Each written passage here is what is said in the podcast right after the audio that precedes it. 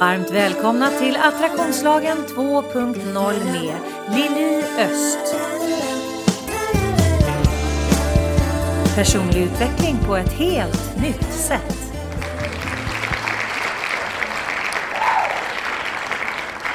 Varmt välkomna till podden. Idag är det en riktigt härlig dag för att jag har nämligen en gäst i studion och vi ska prata om positiv psykologi. Och visste du om att lyckliga människor lever i genomsnitt 7 till 10 år längre än andra och det tycker jag är en bra utgångspunkt för att mycket handlar ju om vårat fokus. Och, och, idag ska vi prata om det ur ett mer vetenskapligt perspektiv. Och jag tycker det är jättehärligt att vi har fått ett ämne som vi kan verkligen djupstudera. Som jag tänker att man har ju djupstuderat det här sedan, säkert 2500 år tillbaka. Men nu börjar även vetenskapen nosa på positiv psykologi. Vetenskapen om det som gör livet värt att leva. Och jag är otroligt glad och stolt och verkligen taggad att ha ja, kvinnan som har skrivit den första svenska introduktionen till positiv psykologi, nämligen Sara Hammarkrans.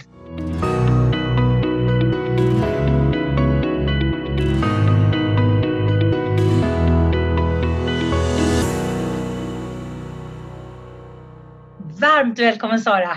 Mm, tack! Vilken fin introduktion. tack, tack. Ja, vad härligt! Alltså, ja, man blir ju taggad bara man ska läsa om dig, tänker jag. Jag blev presenterad för dig första gången när jag hade Katrin Sandberg här som gäst tidigare i somras. För att ni har ju skrivit en bok tillsammans som heter Förundranseffekten. Ja, stämmer det. Och då började jag läsa om dig och inser att du är journalist sedan 20 år tillbaka med just fokus på psykologi. Och du har verkligen tagit till dig positiv psykologi. Så då tänkte jag det här låter som en otroligt spännande människa så henne vill jag ha med mig i podden. Och lyckligt nog så är du här! Ja, det är jag. Jätteroligt ja. att vara med Lili. Så stort tack för det. Ja, men jättehärligt. Du, den här första boken som du skrev då tillsammans med Katarina Blom, Lycka på fullt allvar, som är då en introduktion till positiv psykologi. Kan inte du berätta lite grann om den?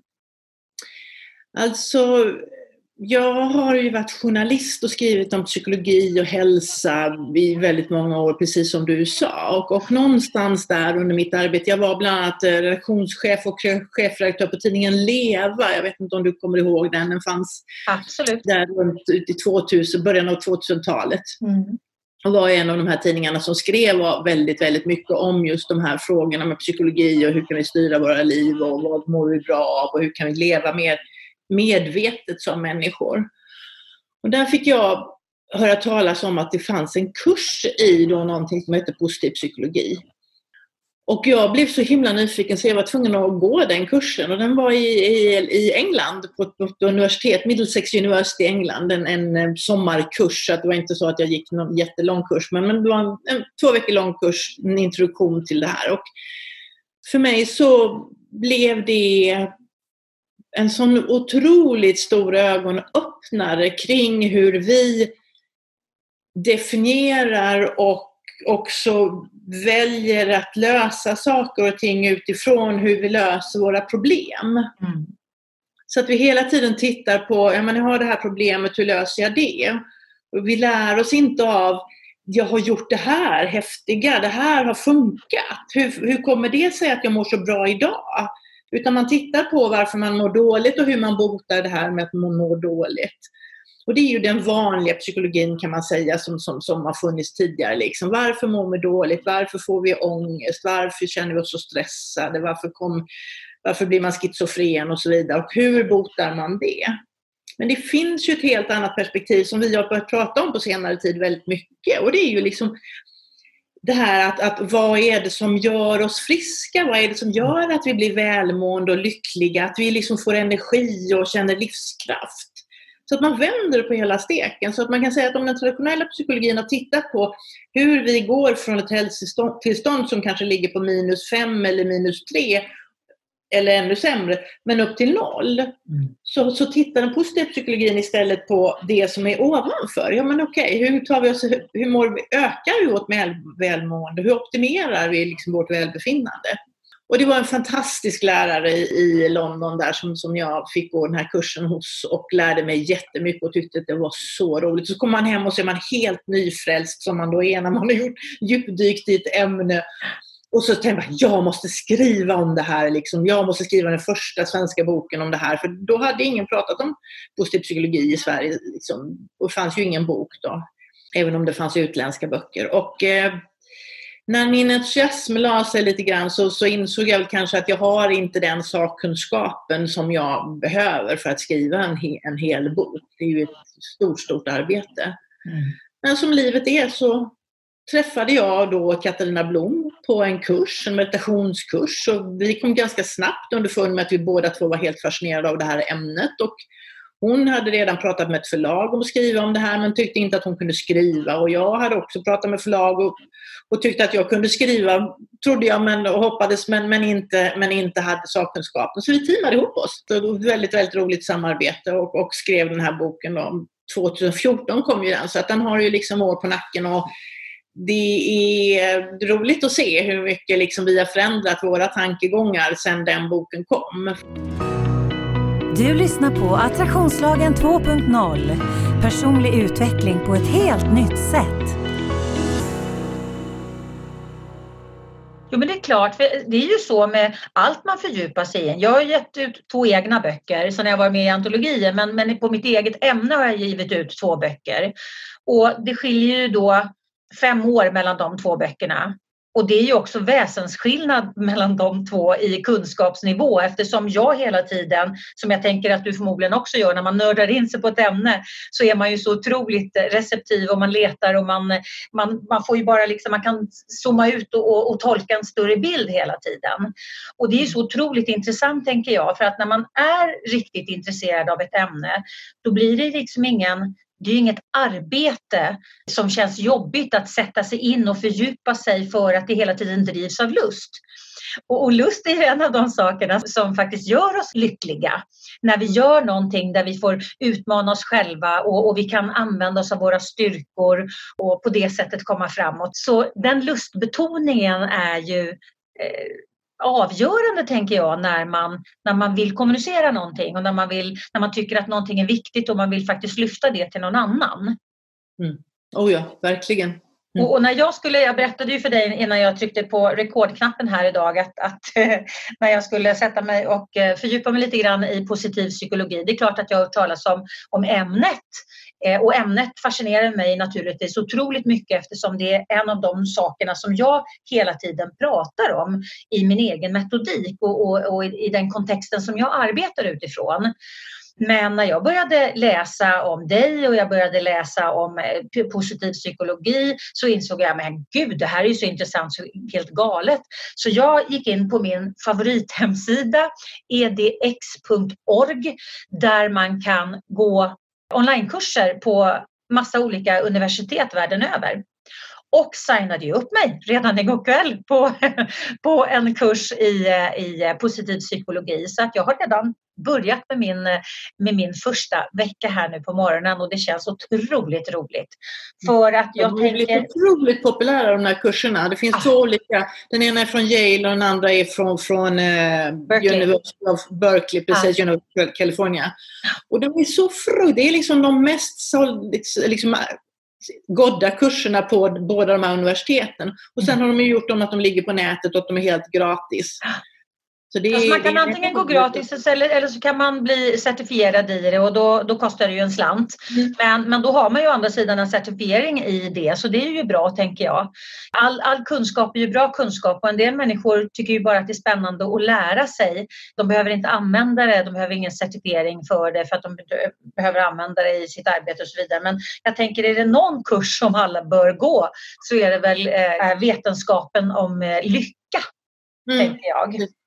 Mm. Och du sa förut att, att skillnaden mellan den klassiska forskningen gällande då eh, inom psykologin från början då handlade ju det om att det, allting var problemfokuserat. Jag läste någonstans att var hundrade artikel är, är om någonting som är positivt gällande psykologi och, och resten är då eh, gällande då problematik, depression och så vidare. Och så vidare. Och om jag tittar på det ur mitt perspektiv, eftersom jag utgår ifrån grunden i min såklart-metoden eh, attraktionslagen och den funkar lika, attrahera lika. Vilket gör att om vi hela tiden har fokus på, på negationen, vi, vi har fokus på det som inte funkar, på det som vi inte har, på det som vi inte vill ha, hur, hur folk inte är och så vidare. Då är det bara mer av det som vi, som vi accelererar upp så att säga i vårt liv. Så därför tänker jag, ju mer vi kan börja titta på våra vinnande koncept som faktiskt positiv psykologi är. Titta på det som redan funkar, hur kan jag accelerera upp det? Vara tacksam för de sakerna som vi har redan i vårt liv och fokusera på det. Det blir en mm. helt annan utgångspunkt, tänker jag. Hur, hur, liksom, hur tänker du gällande det? Alltså, det är så roligt när du tar upp det för att jag och Katrin Sandberg då, som du nämnde från början har skrivit boken Förundranseffekten som kom nu i våras. Och förundran är ju då så att säga en av de positiva känslorna inom positiv psykologi. Och där har vi verkligen, verkligen fått liksom se nu hur det är när folk liksom bekantar sig med begreppet förundran. För att det är ju någonting som vi alla har ägnat oss åt som barn och som finns naturligt i våra system, att hänföras och förundras över naturen. Men att titta på ett litet barn, hur de hänförs oavbrutet liksom. Mm. Men det så, och vi sa det när vi skrev den här boken, att vi vill återuppväcka den känslan i människor. Så att, och det är precis det som har funkat när vi har börjat prata om förundran och det har skrivits om förundran och folk har läst vår bok. För då har man då, alltså bara genom att man medvetande gör att det här är också en känsla som finns i mitt system. Mm. Så börjar du rikta din uppmärksamhet mot det. Och vad händer? Jo, men då förundras du ju så otroligt mycket mer. Och det är precis alla här som alla skriver till oss nu då, som har läst vår bok. De vill berätta själva vad de har förundrats över och de är liksom så lyckliga kring det här, att, att de liksom fått uppleva det här och medvetande gjort det här. Så det är liksom bara det man fokuserar på, det man liksom ger näring till det ser man också i en högre utsträckning. Ja, och, och jag tänker överhuvudtaget naturligtvis, men i synnerhet nu när det är så otroligt mycket negativ fokusering. Det är negativ eh, rapportering i alla, på, på, alla nyhetskanaler. Vi har negativ fokusering, mycket rädsla, mycket oro. Det är permitteringar, det är uppsägningar, vi är oroliga om vi får vara kvar, hur vi ska förhålla oss till det här, allt det här nya. Vi behöver balansera upp det. Jag brukar prata, jag älskar metaforer och jag brukar prata om att vi jobbar med två påsar framför oss hela tiden. Vi har guldpåsen där vi lägger ner alla härliga saker, hänförelser, förundran, alla de här mysiga sakerna, att solen skiner, att, att eh, någonting doftar gott, något smakar gott, eh, det är skönt att ligga i sängen, vad det nu är för någonting. Alla de här små sakerna som vi har en tendens till att ta bara för givet och inte bara, man reflekterar inte över dem utan man kanske registrerar, ah, gud vad fint solen skiner och sen så lägger man inte ner någon energi i det. Men däremot om man hänfaller till, man tittar på det och förundras över hur vackert det är. Och, och jag bor på nionde våningen så när jag tittar ut nu och jag ser jättemycket träd och nu har ju träden börjat gå i orange-rött lite grann, försiktigt verkligen, men dock. Och om jag står och tuggar tuggummit flera liksom, minuter på detta, då blir ju det någonting som jag stoppar ner i min guldpåse. Så ju mer jag kan jobba med guldpåsen, ju mer fylls den upp och när den svämmar över så är det något positivt som manifesteras. Alltså det här för, jag känner att jag har så mycket som jag vill berätta just nu. Men parallellt med den här påsen har vi bajspåsen. Och den är det ju väldigt många som bygger liksom trevåningshus med, med balkong och pool i eh, för att det är så mycket negativt fokus. Men att man behöver liksom balansera upp för att, jag läste någonstans också, jag brukar prata om det på samma sätt, men om man skiftar från, från problem till möjligheter. Jag läste just i, i kontexten positiv psykologi att man ska ha 80% möjlighetsfokus och 20% problemfokus. Då hamnar man ungefär på even steven, alltså 50-50. Och om du då hela tiden har en tendens att dra dig till negativa saker, då blir ju det ett överslag vilket gör att du tar, du tar bort väldigt mycket positivt ur ditt eget liv. Eh, du tar bort väldigt mycket positiv fokus, precis som du sa alldeles nyss att det du, om du lyfter upp, det, det ser du. Så om du har 80% fokus i fel riktning, då ser inte du alla de här fantastiska sakerna som faktiskt finns att lägga ner i guldpåsen hela tiden. Det lägger sig som grund för hur ditt liv utvecklas och hur du mår i det här livet, eller hur? Min förhoppning är ju att den här podden ska hjälpa dig att utvecklas och växa. Har du frågor som du vill komma vidare i och som du vill att jag tar upp i podden? Mejla mig på liliatliliost.se Det som du måste ta med i beaktning från, det här, från första början det är ju att hela vårt system, hela vår hjärna är konstruerad för att hela tiden hålla koll på hot och faror. Yes. För annars överlever vi inte. Så det är liksom nedärvt i våra hjärnmönster. Att mm. Det är den viktigaste kraften i oss. Hela tiden skanna.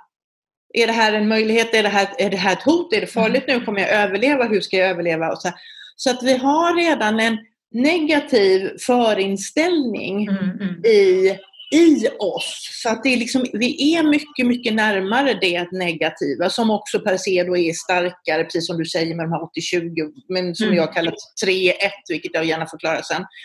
Och det, var därför för mig som det här blev så otroligt viktigt.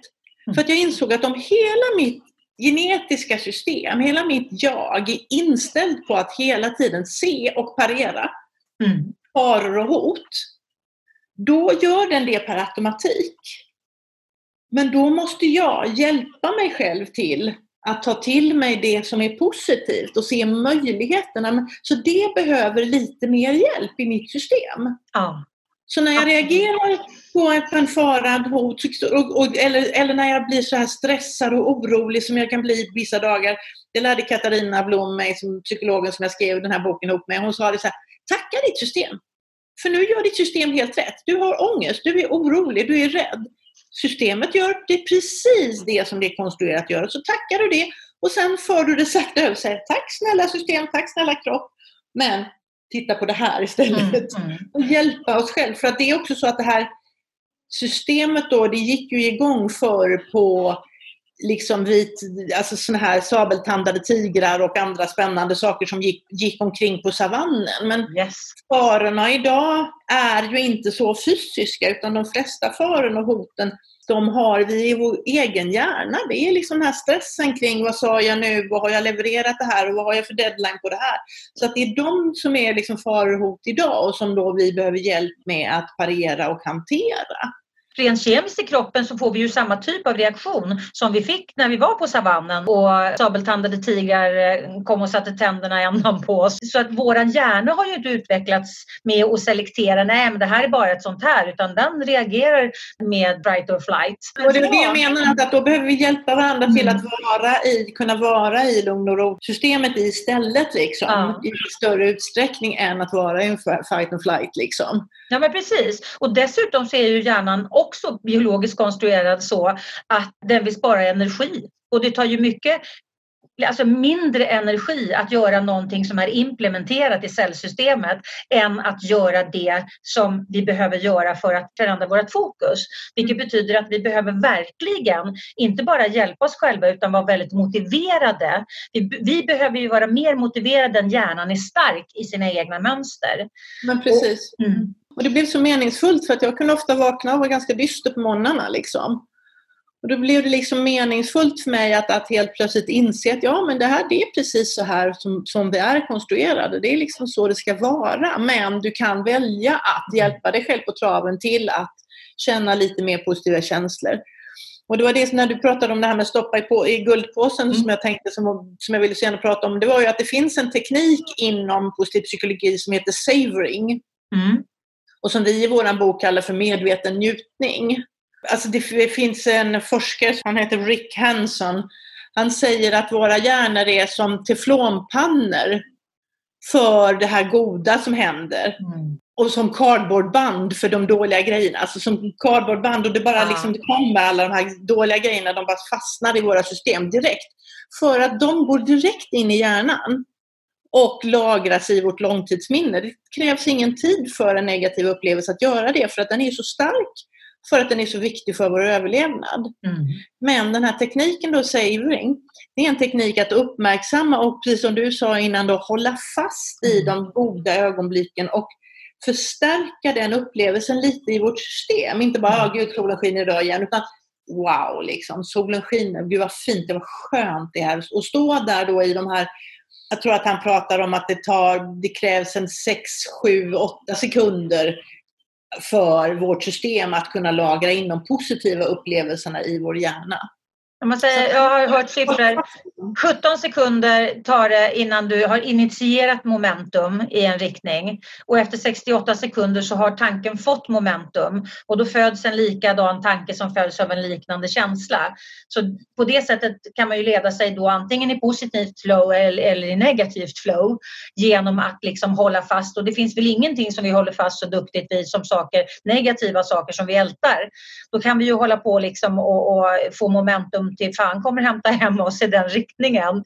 Medans, och, och, och, och vi, alltså älta är bra om vi gör det på rätt sätt. Att älta positiva saker. Mm. Det, men, det, men det är väldigt sällan vi gör. Det är därför förundran är så otroligt bra som exempel på då en positiv känsla för att den gör nämligen att, att, att, liksom att när vi förundras så sänks aktiviteten i hjärnans standardnätverk.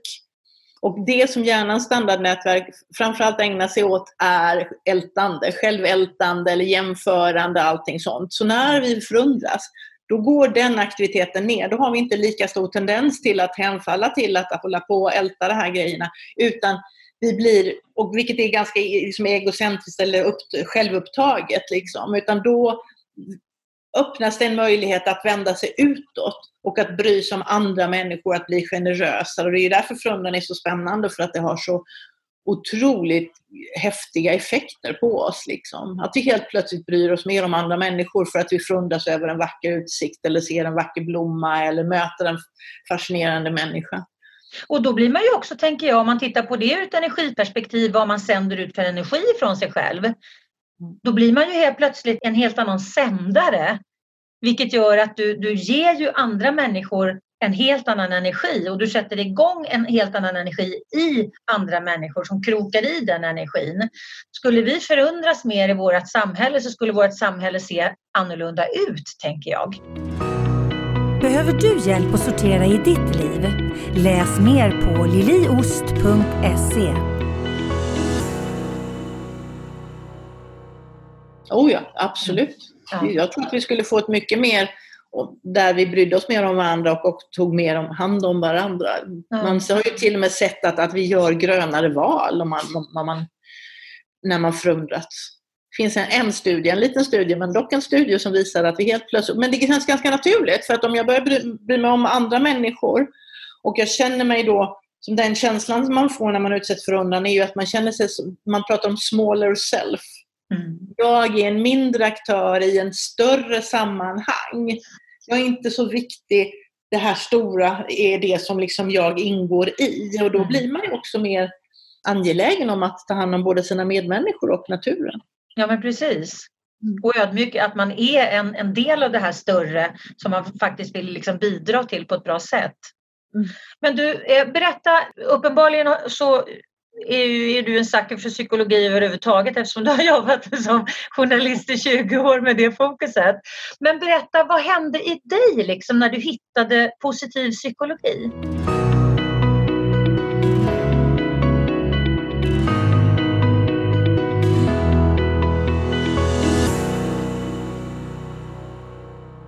Jo, men det var, det var ju det var lite grann det jag var inne på innan, att jag hittade ett sätt att att hantera mitt eget liv, där mitt eget liv inte var riktigt så tungt längre.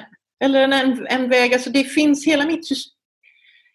Jag söker hela tiden det goda för att jag känner att, att jag, liksom, jag är så känslig så att jag tycker att det är väldigt jobbigt att sitta i det här negativa flödet av nyheter och, och men jag kan tycka att det är ganska svårt att hitta mening emellanåt och sådär. Och här blev liksom en väg och jag, jag vet inte riktigt, det är liksom svårt att säga. Jag liksom är väldigt, kommer från ganska mycket kritik och dömande och sånt och det blev så det blev verkligen, verkligen meningsfullt för mig att se att ja, men det finns en annan väg att gå, gå, gå via möjligheterna istället. Liksom, mm. Och att jag kan förändra det här i mig själv. Och att det bara, alltså, jo men det är, det är väl det här, det är väl det här som liksom grunden för hela KBT. Det är inte hur du har det utan det är hur du tar det. Är glaset ja. halvfullt eller halvtomt? Och jag mm. insåg att jag har möjlighet att välja. Mm. Jag som har möjlighet att välja hur jag tolkar om det här glaset är halvfullt eller halvtomt. Och då bara känna sig att det är otroligt mycket roligare och otroligt mycket mer levnadsuppfyllande och, och tycka att det är halvfullt. Det är bara ett val jag gör liksom. Att nej, men jag tycker att det här är roligare. Ett roligare sätt att leva liksom. Det, mm. det tjänar mig så otroligt mycket bättre. Upplever du att du är lyckligare eh, sen du började med att eh, titta på livet genom de glasögonen? Ja, tveklöst alltså. Mm. Sen har jag ju blivit äldre jag menar, du, precis som du sa, jag har ju hållit på med det här i 20 års tid och det är klart att det har hänt otroligt mycket mellan Sara 35 och Sara 55. Där man liksom lär sig av livet och man blir mjukare och man liksom lugnar ner sig på ett annat sätt och man blir tryggare i sig själv. Så att det med det, liksom, med respekt för den utvecklingen också, så tänker jag ändå att alla de här grejerna som jag har hållit på med, att bara nästan uteslutande skriva om positiv psykologi, har hjälpt mig jättemycket. Jag känner mig mycket lyckligare, jag känner mig mycket tryggare i mig själv. Jag tycker att jag är mer... Ja, men jag, ja, som det här med förundran till exempel. Jag är, det var så roligt för Katarina och jag är liksom verkligen så här att vi förundras hela tiden. och pratar ständigt om det här som vi förundras över. För att det, det är så meningsfullt och så häftigt. Och då har ju ni liksom, ni håller ju grytan kokande hela tiden tänker jag. För mm. att ni har det fokuset.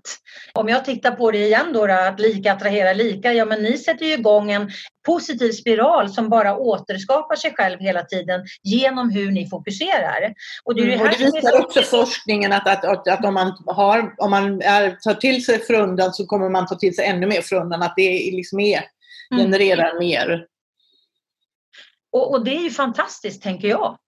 Mm. Alltså det här går ju jag igång på i 190 för att jag, jag är ju precis som du och Katrin, jag vill ju visa alltså, tydliga vägar som man kan välja för att balansera upp hela vårt eh, system som då drar mer till, till det negativa. Och, alltså, vi behöver ju ha det, men vi mår ju inte bra av det. Och jag tänker, ja, min reflektion i alla fall med tanke på hur fort allt går i dagens läge. Det ställs otroligt höga krav på oss.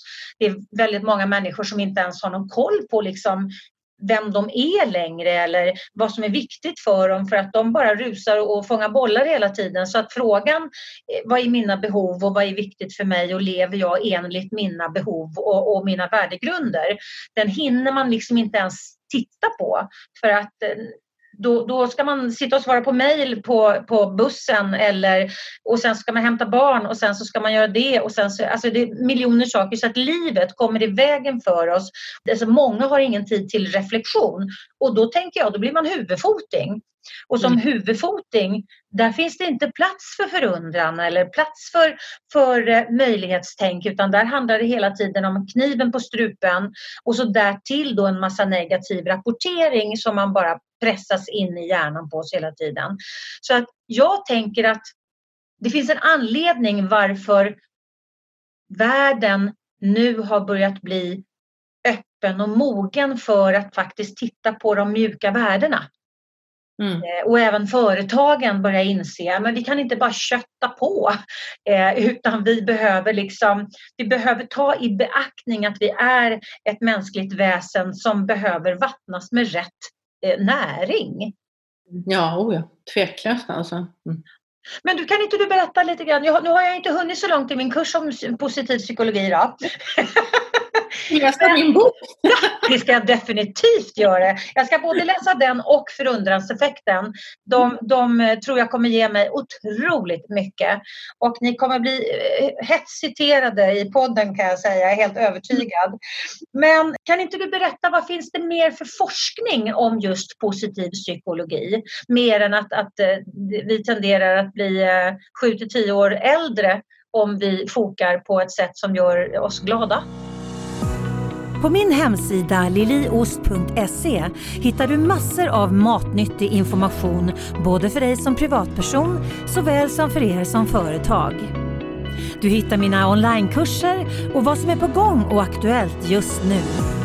Du kan köpa mina böcker och få dem signerade och du hittar min musik, bland annat vignettmusiken till podden. Och under fliken gratis har du nedladdningsbara pdf och minikurser som kan hjälpa dig att lyfta ditt liv och teamet till en ny nivå.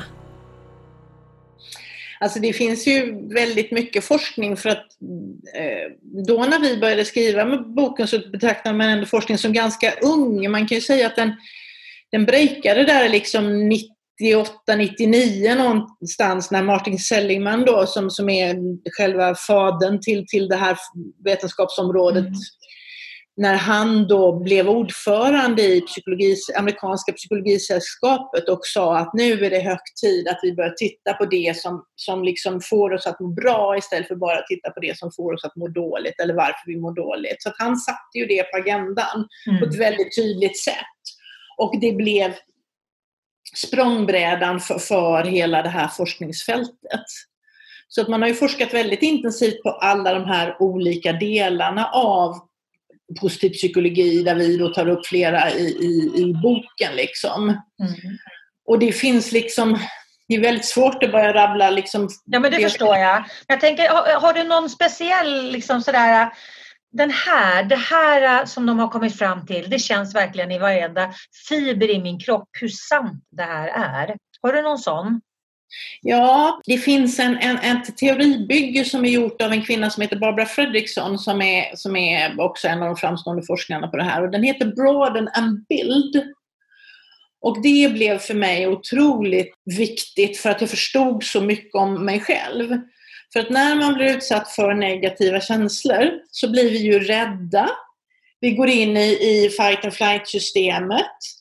Vi börjar försvara oss, vi får tunnelseende, vi får hjärtklappning och det vet vi ju alla. Med tunnelseende och hjärtklappning så varken hör eller ser vi någonting i vår omgivning utan vi ska bara och hela vårt system är ju då så att vi bara till exempel brinner och då ska vi bara springa ut. Vi ska inte mm. tveka, börja fundera på vilka alternativ har jag, hur gör jag det här? Utan man ska ut liksom. Mm. Så det är ju en jättefin funktion. Men om man då för över det till de positiva känslorna så har ju de det här precis motsatta lite grann det här jag var inne på. Att de positiva känslorna får oss att öppna oss. Får oss att se oss runt omkring, får oss lite lugnare. Och när vi öppnar och ser oss runt omkring, vad händer då? Jo, då ser vi ju massor med olika alternativ. Mm. Så då blir vi liksom öppnade för den här nya informationen. Vi ser ja, den möjligheten och den möjligheten och den möjligheten och sen så väljer man kanske en av de här möjligheterna, den som man då tror för stunden är bäst. Och då lär vi oss ju någonting nytt för då testar man en ny väg. Mm. Och det här är ju då broaden som att bredda sig och bild att bygga resurser. Och det är ju det som är så viktigt med hela positiv psykologin för att då bygger vi resurser så att vi kan må bättre och vara mer motståndskraftiga nästa gång livet drabbar oss. Mm. För att livet drabbar oss hela tiden. Vi kommer, det finns ingenting som heter att man bara blir lycklig och sen så är allting frid och fröjd. Utan livet är svårt. Livet drabbar oss hela tiden. Men vi kan ge oss själva resurser och möjlighet att hantera allt det som händer. Vi kommer bli sjuka, vi kommer bli gamla. Det kommer hända våra anhöriga någonting. Vi kommer få skäll av chefen, vi kommer missa läxan vi måste hela tiden navigera i det här, men med hjälp av positiv psykologi i den kunskapen så får vi alltså mer resurser att hantera det. Vi blir mer motståndskraftiga. Mm. Och där finns en liten studie som, som, som jag brukar prata om ibland på, på när vi pra, håller föredrag, jag och Katarina, och, så där, och det är att man tog en grupp med läkare i USA och gjorde en studie med ett experiment med dem och så delade man in de här läkarna i tre grupper. Och så sa de till de här läkarna att nu ska ni få lösa en, alltså den här, ni ska få en diagnos, en, sjukdoms, alltså en, alltså en sjukdomsbild beskriven för er och så, så vill vi att ni ska tala om vad det här är för sjukdom då. Alltså lite grann som Dr. House om du har sett mm, mm. honom på TV. Så här svåra, svåra sjukdomsproblem. Och så sa de så här, men, men ni, ska få lite, ni ska få lite förberedelser. Och den första gruppen då fick läsa vetenskapliga magasin så att de liksom så skulle kunna komma igång med någon slags problemlösningshjärna. Liksom. Den andra gruppen blev utsatta för ett positivt incitament. Och den tredje gruppen behövde inte göra någonting alls. Och sen efter det så sa de, okej, okay, här är problemet, kan ni lösa det? Och då visade det sig att den gruppen som då hade blivit utsatta för ett positivt incitament, de kom fram till rätt diagnos. Inte bara dubbelt så snabbt som de andra två grupperna, men också dubbelt så kreativt. Mm. Och det är precis det här som broaden and Bill är, att, att du ser fler möjligheter. Och då när du ser de här möjligheterna så kan du också lösa det som händer på ett bättre sätt. Och då undrar man ju naturligtvis, ja, men vad var det här positiva incitamentet då? Vad, vad, vad, vad, liksom, hur, hur svårt var det här liksom? Och så tänker man att det var amerikanska läkare, de är vana vid att få ganska bra betalt och har nog ganska, de har det rätt bra väl försett i sina liv liksom. Så tänker man, hur liksom gör man någonting positivt för dem? För att du ska känna dig inspirerad att fortsätta följa podden ser hösten lite annorlunda ut. Varannan vecka blir det till exempel poddar både onsdag och fredag. I fredagsavsnitten bjuder jag in gäster och vi pratar attraktionslagen på jobbet. Jag kommer ha en stående gäst, Anki Brommert, som arbetar som parterapeut och ledarskapsutvecklare. Och våra samtal spänner definitivt över högt och lågt med fokus på relationer. Jag kommer blanda in poddavsnitt om vetenskap och forskning inom mitt breda område. Och jag får besök av andra spännande gäster som kan ge dig livsinspiration. Och självklart så kommer jag bemöta dina frågor. Så häng med mig i höstens avsnitt. Det enda som krävdes, och det här är nästan larvigt, men det enda som krävdes, det var att man sa att efter ni har gjort det här så kommer ni få en liten påse med godis. Ja. Men det var ju en belö alltså, vårt belöningssystem gick igång. Ja, Eller det är rätt ja. Men jag tycker det är så fascinerande just det här att vi ser då, vi, vi liksom vågar öppna oss för möjligheterna när vi, har, när vi är utsatta för positiva känslor. Mm. Så att det, det, det tjänar oss i hela, liksom, i, man tjänar oss i våra liv att försöka förhålla oss lite positiva till det som händer. Och man ser ju att optimister till exempel både Katarina Blom och jag är väldigt noga med att, betona att positiv psykologi handlar inte om, om positivt tänkande. Utan det handlar om ett positivt agerande. Att man liksom gör saker som, som, som tjänar en. Liksom. Och man har sett att optimister, de lyckas mycket, mycket bättre i sina karriärer. De jag tror att de tjänar mer pengar, nu kommer jag inte ihåg exakt vad, vad men man ser att de gör mycket bättre ifrån sig i sina liv än vad pessimisterna gör. Mm. Och då tänker man att, ja men vadå liksom? Och de är väl bättre eller någonting sånt, men det är de inte, utan det enda som skiljer egentligen är att de är lite mer övertygade om att de kommer klara det här. Alltså de har en positiv inställning till det problemet de utsätts för. Så de försöker lite längre. Mm. Lite mer, de har lite större uthållighet så det är liksom inte i nivå, kunskapsskillnader eller sådana saker utan det är bara att bara genom att tro att du klarar av dina problem så kommer du också klara av dina problem bättre mm. än den personen som är helt övertygad om att nej, det är ingen idé att jag försöker misslyckas. Ja, då är det redan en done deal liksom. Så det är ingen idé. Då lyfter man inte ens liksom, man lyfter inte ens på de stenarna man behöver lyfta på som ligger närmast för att man redan har bestämt sig för att det är Ja, eller så, lyfter man, på, så lyfter man på tre stenar men inte på tio som kan optimisten väljer att göra då. Liksom. Så, så att det där är så avgörande. Mm. Och, och jag, jag, är helt fascinerad över att det har tagit så lång tid ändå som i slutet av 1990-talet för att det skulle komma upp på agendan eh, inom vetenskapen för vårt mående. Att, men vänta nu här, om vi tittar på det från det här hållet, vad händer då? Mm. Eller hur? Det är, inte, är inte riktigt sant. Vi citerar ju Aristoteles i vår bok. Redan han pratar om ett positivt liv eller vad ett liv värt att leva. Jo, ja men precis. Och, och, och Maslow på 50-talet höll på mycket med positiv psykologi så det har, har funnits på vägen också men, men det var ju det att det blev ett eget vetenskapsområde. Jo, men det är det jag menar. För att precis som, som, som jag sa från början med, med de här äh, citaten från 2500 år gamla, liksom, det handlar ju otroligt mycket om, om just vårat, alltså det här, äh, ner, från huvudet och ner, liksom, ner i, i känslospannet. Inte så här, eh, benen rakt på huvudet utan vi har faktiskt en, en, en bit här emellan där våra känslor sitter som vi har hoppat över på något vänster. Men att mm. det liksom inte blev, ja men det blev ju inte ett vetenskapligt område förrän väldigt sent, även om en livsåskådning har funnits i tusentals år. Men jag tänker att det är lätt att man bara, det är precis som att det finns vissa talesätt som är fantastisk livskunskap och, och livsklokskap. Så man bara säger, ah gud vad smart och vad klokt och så vidare. Men man tar det inte till sig. Man ser det inte som en, en livssanning. Eh, och jag tänker att det finns otroligt mycket fina eh, citat som vi, om vi skulle ta det som en livssanning och använda det som, som en, en eh, utgångspunkt för vårt eget fokus, då skulle vi kunna förändra vårt liv rätt radikalt för det finns så mycket livskunskap som leder i, eh, i riktning av positiv psykologi. Men folk har liksom inte riktigt förstått det är ett medvetet val vi behöver göra. Mm. Och, och, jag tycker att det är så coolt. Jag, jag ska verkligen läsa både Förundranseffekten och din, eh, din bok med Katarina Blom där för att få, jag älskar eh, modeller.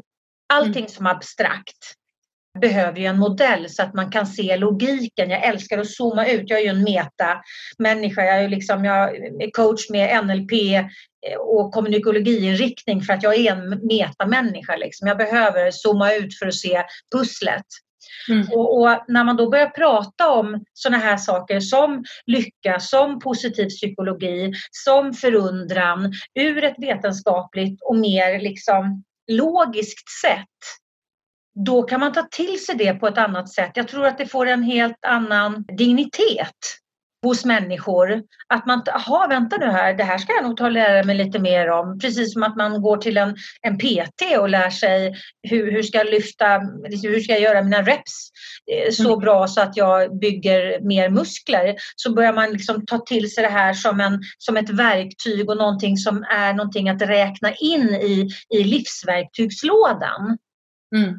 Vi pratar om, om igen om positiv psykologi i termen av det, att, att, att, liksom att om vanlig psykologi är då att gå till en psykiater eller en psykoterapeut och få hjälp med sina problem, så är positiv psykologi att gå till gymmet och träna i förebyggande syfte. Mm, mm.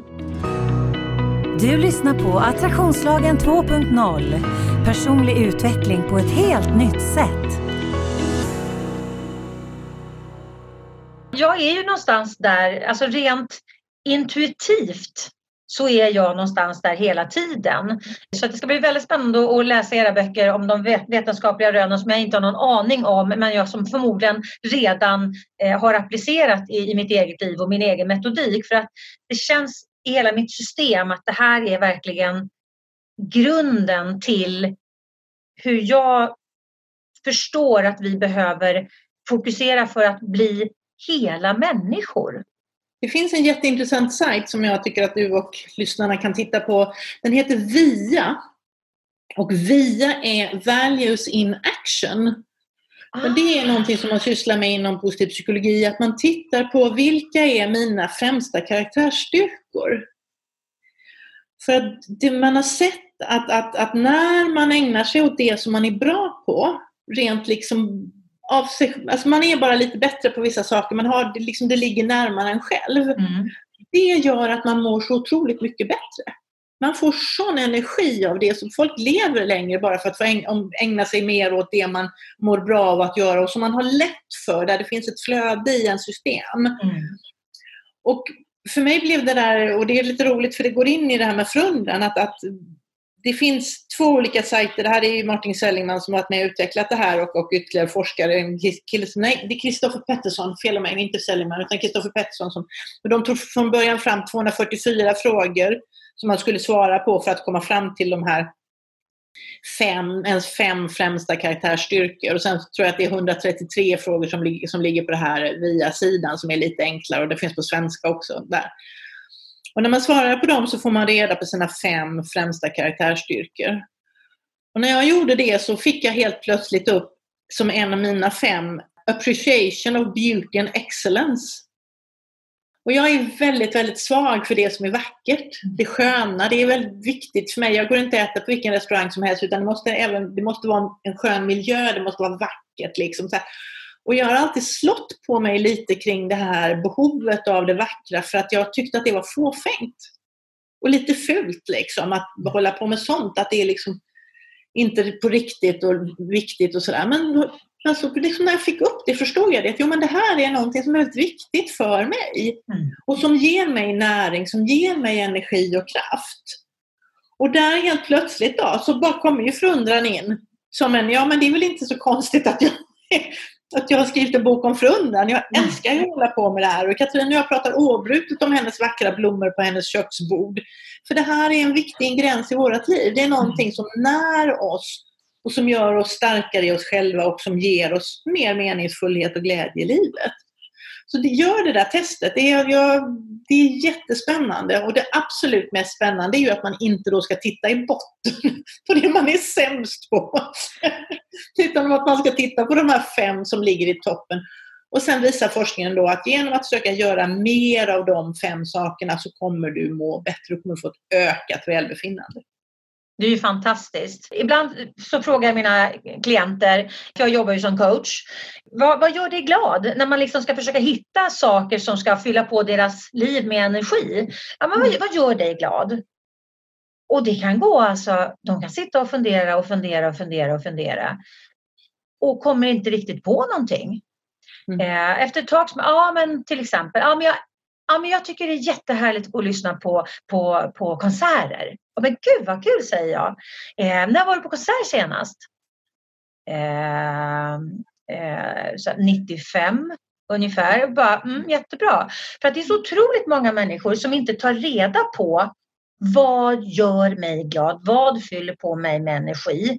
Mm. Vilket gör att då vet vi inte heller om vi får tillräckligt mycket av det. Och, och, om vi verkligen, om det här är någonting som är viktigt för, för dig då, till exempel om vi tar dig som exempel, att du har slagit på dig själv för att du har tyckt att det var, har varit fåfängt och inte på riktigt för att du eh, uppskattar vackra miljöer och, och, mm. vackra saker, då har ju det blivit en motgående rörelse hela tiden. Det har ju blivit en, en inre frustration för att du har gått emot egentligen det som din core har behövt. Mm. Bara för att du inte har lyssnat inåt. Och det är så otroligt många människor som lever hela sitt liv på det sättet. Så det här är fantastiskt att gå in och göra den här via undersökningen för att ta reda på vad gör mig glad och vad fyller på mig med energi. Och det behöver ju inte vara Många tänker jag tror att de ska fylla sitt liv med bara så här häftiga prylar. Och, och jag läste någon, någon, eh, när jag läste om, om positiv psykologi här nu då, så, så att man separerar de här två sakerna då med, med njutning och flashiga prylar och coola bilar och, och pengar och hela den biten kontra de känslorna som skapas när man jobbar i sin kår när man gör de sakerna som, som känns meningsfulla eh, mm. i dig själv och som matchar dina, som, som lyfter dina kvaliteter, som, som lyfter det här som du är bra på och där du kan utvecklas. Det, det ger en mycket större lyckoeffekt än de här korta tomteblossen. För det är inte mm. det att det, att det inte liksom är, är härligt med, med coola prylar och goda middagar och, och fina restauranger och allt sånt där. Men det är just den här grejen att, att lyssna in behoven och faktiskt eh, göra de sakerna som korrelerar med ditt hjärta. Har du sett den här fantastiska filmen på Netflix? Bläckfisken och jag? Nej. Det är, en, det är en dokumentär som gick upp för någon vecka sedan eller någonting sånt.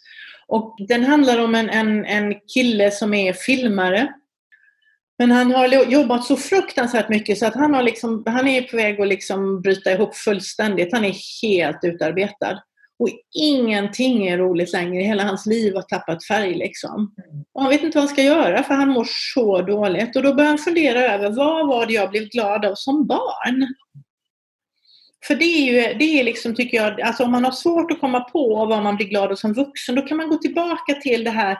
För det här som man blir glad av som barn, som barn det, är, det, det, finns någonting i det som man ändå har tagit med sig upp i livet och som faktiskt betyder någonting idag också. Det är ofta väldigt rent och sant i en mm. system att det här är någonting som gör en, en glad. Sen kanske man inte vill sitta och bygga sandslopp men att det byggandet kan ju ta sig vuxna uttryck och, och liksom, mm. så att säga. Men vad han kommer på då det är att det som gjorde han, honom riktigt lycklig när han var barn, det var att bada, att vara i havet. Och han bor precis vid havet så han börjar återvända till havet och det är otroligt kallt där han bor, jag kommer inte riktigt ihåg platsen. Men där finns också en kelpskog. Kelp är ju sådana här alger, du vet. Ah, ja. Han börjar dyka i den här kelpskogen och, och, och dyka ner där ljuset kommer åt och där hittar han en bläckfisk som bor där och som han börjar följa och så bestämmer han sig för att han ska liksom simma ner till den här bläckfisken och ja, studera den varje dag. Så han håller på med det över ett år och, och liksom odlar en helt fascinerande relation till den här bläckfisken och följer den här bläckfiskens liv. Och, alltså filmen är förundransvärd, verkligen. Den är så vacker men det är också någon, han är väldigt berörande när han beskriver allt det här. Så att, ja, jag rekommenderar den. Bläckfisken och jag. Dels för att komma ihåg vad man var bra på när man var liten, men också för att förundras. Ja. det är någon som vågar göra någonting annorlunda. Min förhoppning är ju att den här podden ska hjälpa dig att utvecklas och växa. Har du frågor som du vill komma vidare i och som du vill att jag tar upp i podden? Maila mig på liliatliliost.se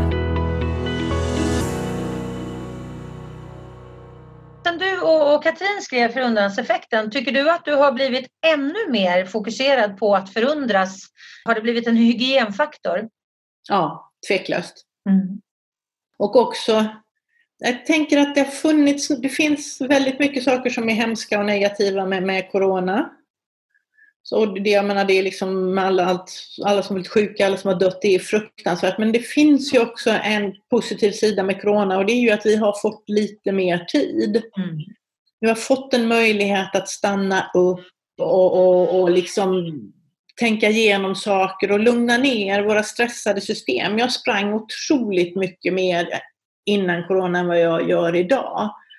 I det så finns det helt plötsligt, tillsammans med att jag har läst så mycket om hur viktigt det här är för mitt system.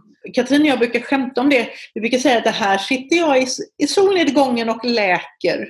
Ja, ja för så att det är det finns massor med forskning som visar på att förundran reparerar dina system, gör att du blir mindre utsatt för sjukdomar och allting sånt. Så det är verkligen, det är verkligen så. Och då att kunna stanna upp och njuta och samtidigt känna att det då tjänar oss på ett annat sätt. Det gör ju att det blir lättare för mig att stanna upp och njuta.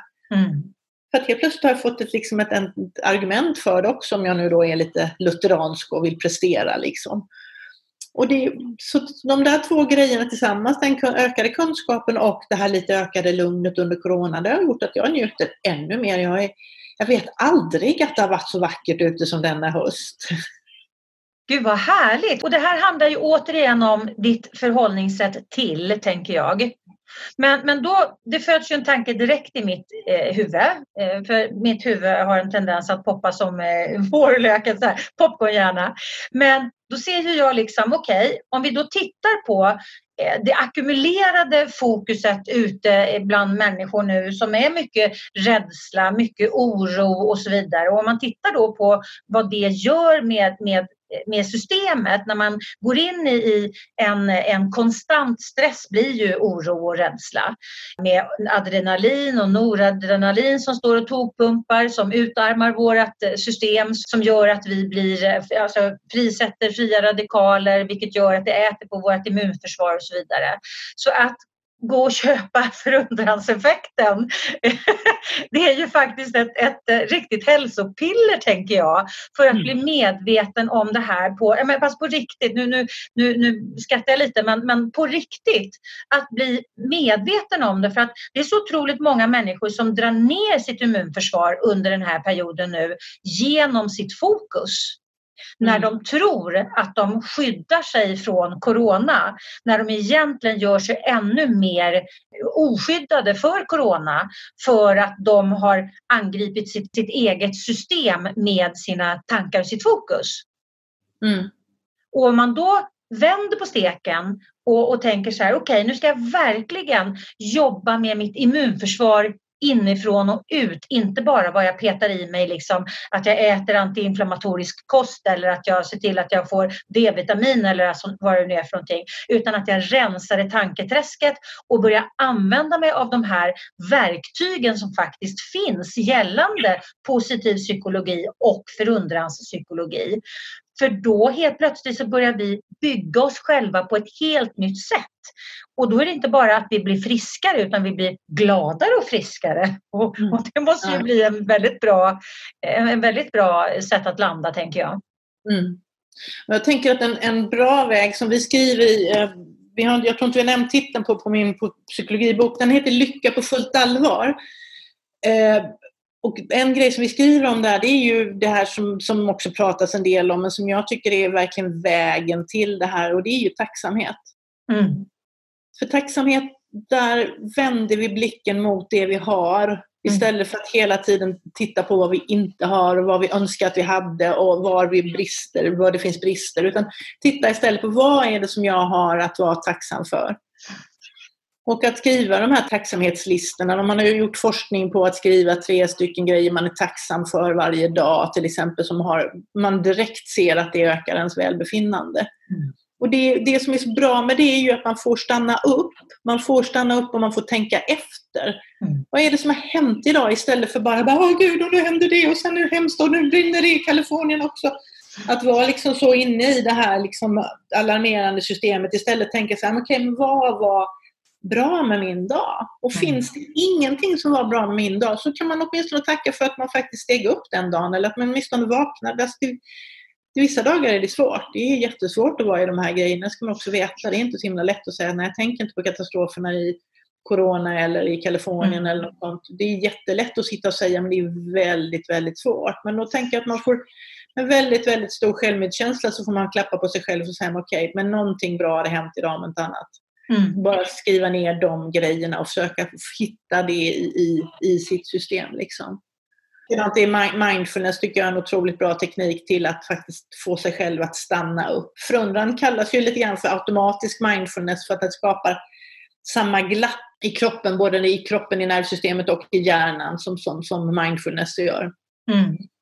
Jag älskar ju som sagt eh, bilder och metaforer och det, jag jobbar ju alltid med att försöka att tydliggöra våra tankar och våra känslor och vårt fokus eftersom det är så abstrakt. Och, och hur vi kan hantera våra tankar och känslor och så vidare. Och, och jag brukar prata om att det är ju ofta så att när någonting är dåligt i vårt liv, då lägger vi som en våt filt över hela vårt liv. Och så ska allting vara dåligt till det här har blivit bra. Och då blir det happy-go-lucky igen. Fast det tar ungefär en millisekund så är det något annat skit som har hänt. Så då lägger man filten från någon annat håll istället. Och man har en tendens till att liksom lägga sordin, man lägger nattdämpen på pianot hela tiden för att det är någonting som, som strular. Och lever man på det sättet så går man ju hela tiden omkring i en inre frustration, vilket är väldigt lågfrekvent. Plus att man, man får ju tunnelseende. Du, kan, du blir absolut inte så smart som du eh, eh, behöver vara för att liksom kunna leva i ditt yttersta så att säga. Men då brukar jag prata om att, att man, man kan använda sig av cylindrar. Om man tänker sig glascylindrar och det handlar inte om att man ska göra liksom bingo bingo, att man inte låtsas om att saker finns. Men de behöver inte överskugga alltihopa samtidigt utan man kan lägga ner skiten i cylindrar. Och sen så jobba då mellan cylindrarna så finns det space. Och i det spacet jobbar man med sin guldpåse eller då förundran. Och det här blir ju ännu bättre. Den här kommer ju bli ännu bättre när jag har läst er bok för att få lite vetenskapliga bevis dessutom bakom min tes redan från början. Att i det här spacet, där höjer du upp dig själv för att du ska komma till ett annat eh, tillstånd när du tittar ner i en cylinder. När du plockar upp skiten som finns i en cylinder så har du liksom satt dig i ett, ett helt annat känslotillstånd vilket också gör att du Mm. öppnar upp din hjärna och kan titta på det från ett mycket mer rationellt och kreativt sätt.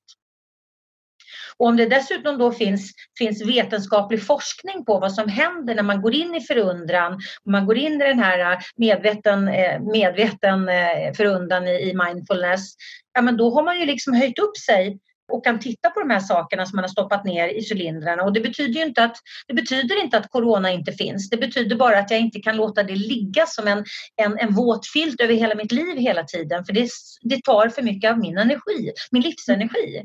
Mm. Så ner med skiten i en cylinder. Eh. men det är bra för att då, då liksom, och det är glascylindrar, du ser grejerna men du behöver inte liksom, de behöver inte vara in your face hela tiden. Behöver du hjälp att sortera i ditt liv? Läs mer på liliost.se. Jag fick som, som första uppgift i den här kursen nu då, som jag har gått tack vare dig.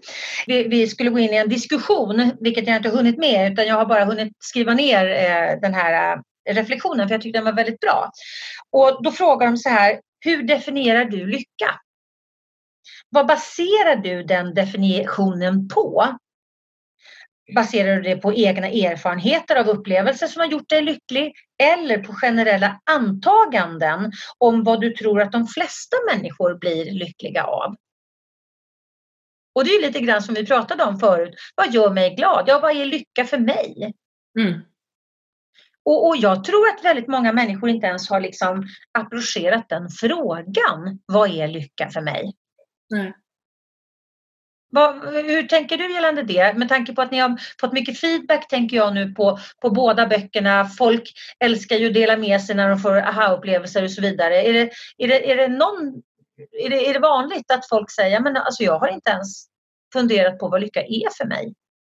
Ska jag vara ärlig så tycker jag nog inte att, att det är så himla vanligt idag. För vi har ju haft den här lyckofixeringen i, i, i vår kultur nu i liksom där vi har pratat ganska mycket om, om, om att man ska liksom söka bli lyckligare och vi pratar väldigt mycket om psykisk ohälsa och sånt. Så jag tänker att det där ändå är en ganska levande fråga som, som folk håller på med. Men, men det som jag tycker mig se det är väl att folk mer och mer förstår att, att det är, är andra saker som skapar lycka än det som vi kanske trodde från början. Det är inte vår karriär, det är inte den fina bilen, det är inte liksom alla pengarna, utan att man börjar se att det består av andra, andra saker.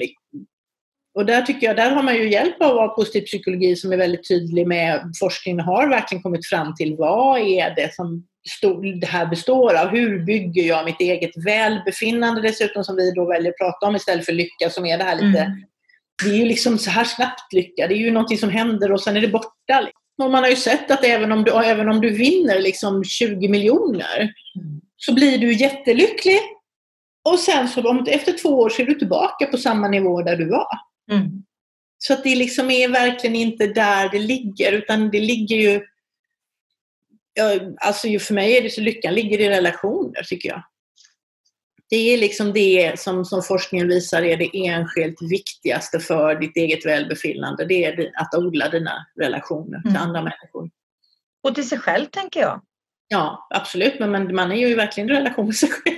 Ja, men alltså det är väldigt många som inte är. Det man inte kan göra slut med. nej, precis. Nej, men det är ju väldigt många som inte är sin bästa vän. Mm, nej, utan sysslar med självmobbing och kör över sig själva och härskartekniker. Och, och, och det, det, är ju, tyvärr så är det väldigt, väldigt många människor som, som eh, om man tittar på sig själv och så tänker man så här, skulle jag vilja vara tillsammans med den här personen? Mm. Eller pratar jag så här till någon annan människa? Mm. När man skäller på sig själv och man läser lusen av sig själv och man är inte vattenvärd. Skulle du säga så här till en annan människa? Skulle du säga så här till din vän? Liksom? Man pratar så mycket värre till sig själv och man är mycket, mycket hårdare ja. i omdömet om sig själv. Självmedkänsla är en, en, en stor del av, av, av liksom positiv psykologi också. Att mm. omfamna och kunna liksom förhålla sig till sig själv och vara snäll mot sig själv, varsam utifrån att vi har det ganska tufft liksom. Och vi är uppfostrade också att kräva mycket av oss och vara dömande mot oss själva. Mm, mm. Jag tänker ju att det här är ju någonstans ett, ett, ett ypperligt tillfälle nu när, när hela världen är i, i, i brand och, och, och, verkligheten är ett gungfly. Det är, väl, är det någon gång som det är helt perfekt tid att börja göra någonting annat så är det väl nu, tänker jag. Att börja titta på livet från ett annat perspektiv. Att börja lyfta saker som vi har sprungit förbi innan. För att, att, att bygga oss själva inifrån. Eh, och hitta den här, skapa den här mittpunkten. Eh, jag tjatar alltid om min mittpunkt för att det är många människor som lever utan mittpunkt och då blåser man omkull när, när, när det stormar utanför. Så, så jag tänker att positiv psykologi och förundranseffekt och, och, och hela det här paketet är liksom, det är någonstans det, är det som vi behöver lägga ner i, i våran påse nu för att gå stärkta här ur och känna att shit, under corona, så mycket jag lärde mig som faktiskt har hjälpt mig till ett bättre liv. Du, vad, vad, har du några fler böcker på gång? Ja. Har det? Ja, jag har ett litet hemligt projekt som jag ska åka och eh, prata om nu alldeles strax med ett oh, förlag. Gud vad spännande! Och när ligger det i tid? Ja, det blir nästa höst i så fall. Mm. Klart då. Och det är på samma, samma spår, liksom, att fylla på människor med eh, information som kan göra oss eh, mer eh, tillfreds med oss själva och livet. Ja, det, absolut, det kan jag skriva under på. Mm. Det var väldigt, du, jag, så här, jag liksom försökte göra det så här lite smooth sådär. Jättebra. Men du, skriver du som frilans eller är du fast på någon tidning nu eller? eller? Jag är fri, nej, jag är frilans helt och hållet idag. Och, eh, men sen har jag ett, ett kontrakt med tidningen Chef. Så där skriver jag ledarskap och psykologi och har gjort det i ganska många år. Och sen jobbar jag ganska mycket med modern psykologi. Jag är psykologiredaktör för tidningen Hälsa.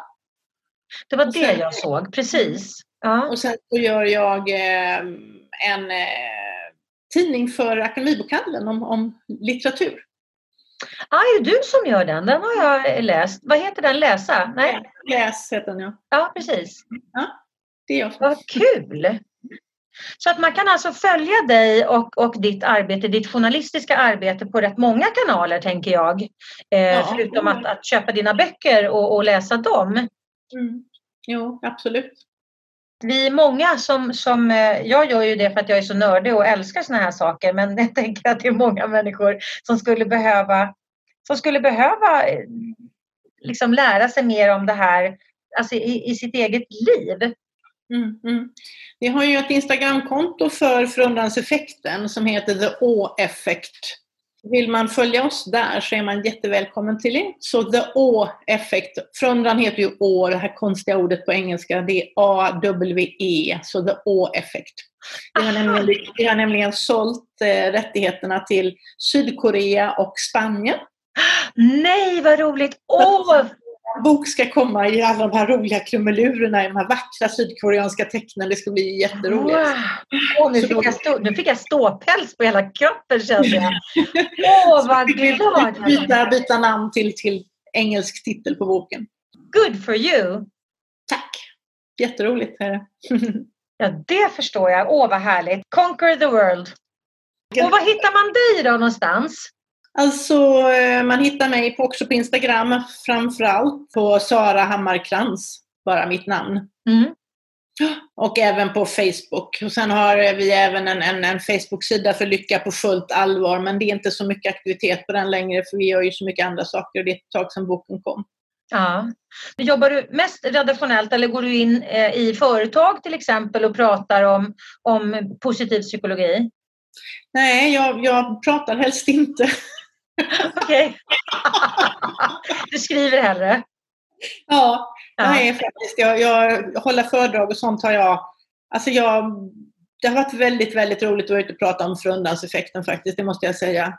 Men jag, jag sitter hellre hemma och skriver än pratar. Mm. Och det har jag liksom så också, på tal om att vara snäll mot mig själv, liksom, jag tycker att det är så fruktansvärt jobbigt att stå där framme och inför en publik och, och jag blir så nervös och, och sådär. Och, jag, och jag älskar verkligen att sitta och hålla på med mina 28 bokstäver. Så då känner jag att ja, men då är det det jag ska göra, även om det gör mig lite mindre rik. ja, fast det gör det mer rik på ett annat sätt, tänker jag. Och det är viktigt, så det, det valet är inte svårt längre. Det har, valt, det har jag bestämt mig för.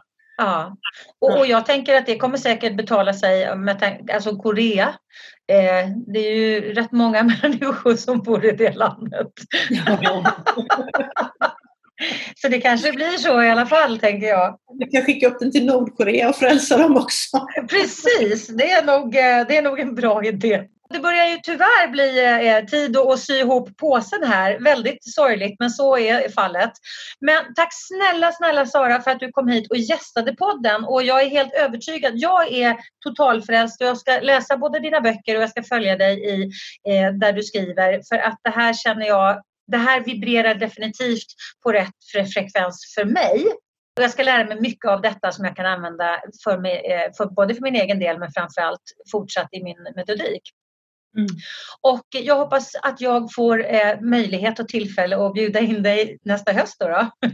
Ja. När nästa spännande hemliga projekt är, är, är eh, sjösatt. Ja, ja, och tack själv för ett väldigt fint samtal. Jag har verkligen uppskattat det. Så. Det var jättekul. Det var roligt. Ja, jag med, verkligen. Stor varm kram och tack snälla du för att du ville vara med oss här idag. Och tack snälla du som lyssnar och eh, nu går vi helt enkelt bara ut och förundras. Eller hur? tack snälla du. Hej då. Du har lyssnat till Attraktionslagen 2.0 med Lili Öst. Följ mig gärna på Facebook på Attraktionslagen 2.0. Tänk efter lite grann. Hur har du det omkring dig nu? Är du nöjd? Är du nöjd med det du har? Var är du i ditt liv? Har du funderat på att ta ett annorlunda kliv? Känner du som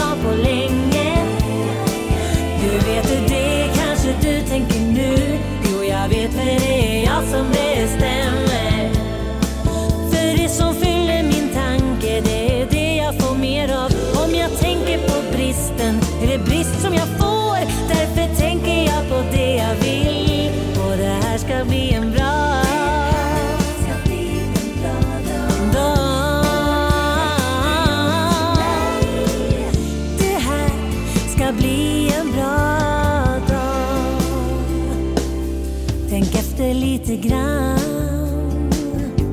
Vad är det som du tänker på allra mest? Det du har eller inte har.